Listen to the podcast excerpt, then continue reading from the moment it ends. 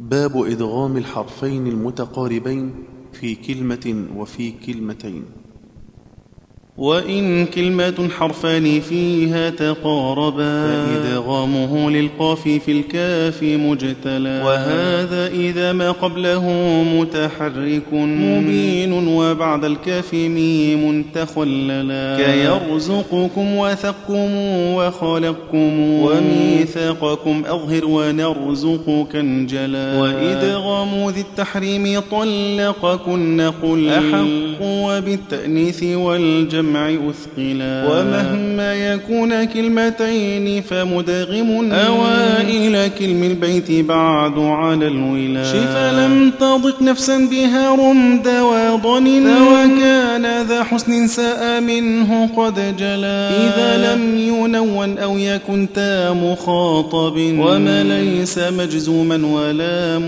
متثقلا فزحزح عن النار الذي حاه مدغم وفي الكلام في قاف وهو في القاف أدخلا قال كل شيء لك قصورا وأظهرا إذا سكن الحرف الذي قبل أقبلا وفي ذي المعارج تعرج الجيم مدغم ومن قبل أخرج شطأه قد تثقلا وعند سبيلا شين ذي العرش مدغم وضاد لبعض شأنهم مدغما تلا وفي زوجت سين النفوس ومدغم له الرأس شيبا باختلاف توصلا وللدال كلم ترب سهل ذاك شذا ضفا ثم زهد صدقه ظاهر جلا ولم تدغم مفتوحة بعد ساكن بحرف بغير التاء فاعلمه واعملا وفي عشرها والطاء تدغم تاؤها وفي أحرف وجهان عنه تهللا فمع حمل التوراة ثم الزكاة قل وقل آت ذا ولتأتي طائفة على وفي جئت شيئا أظهر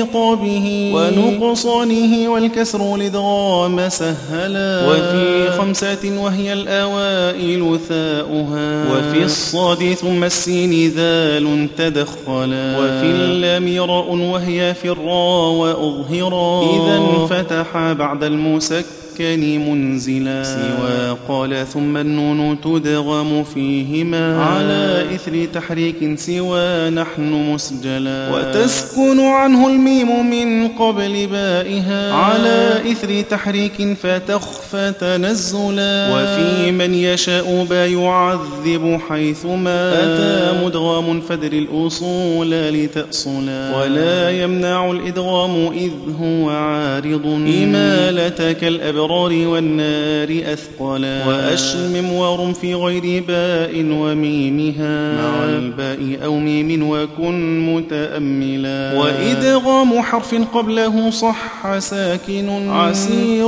وبالإخفاء طبق مفصلا خذ العفو وأمر ثم من بعد ظلمه وفي المهد ثم الخلد والعلم فاشملا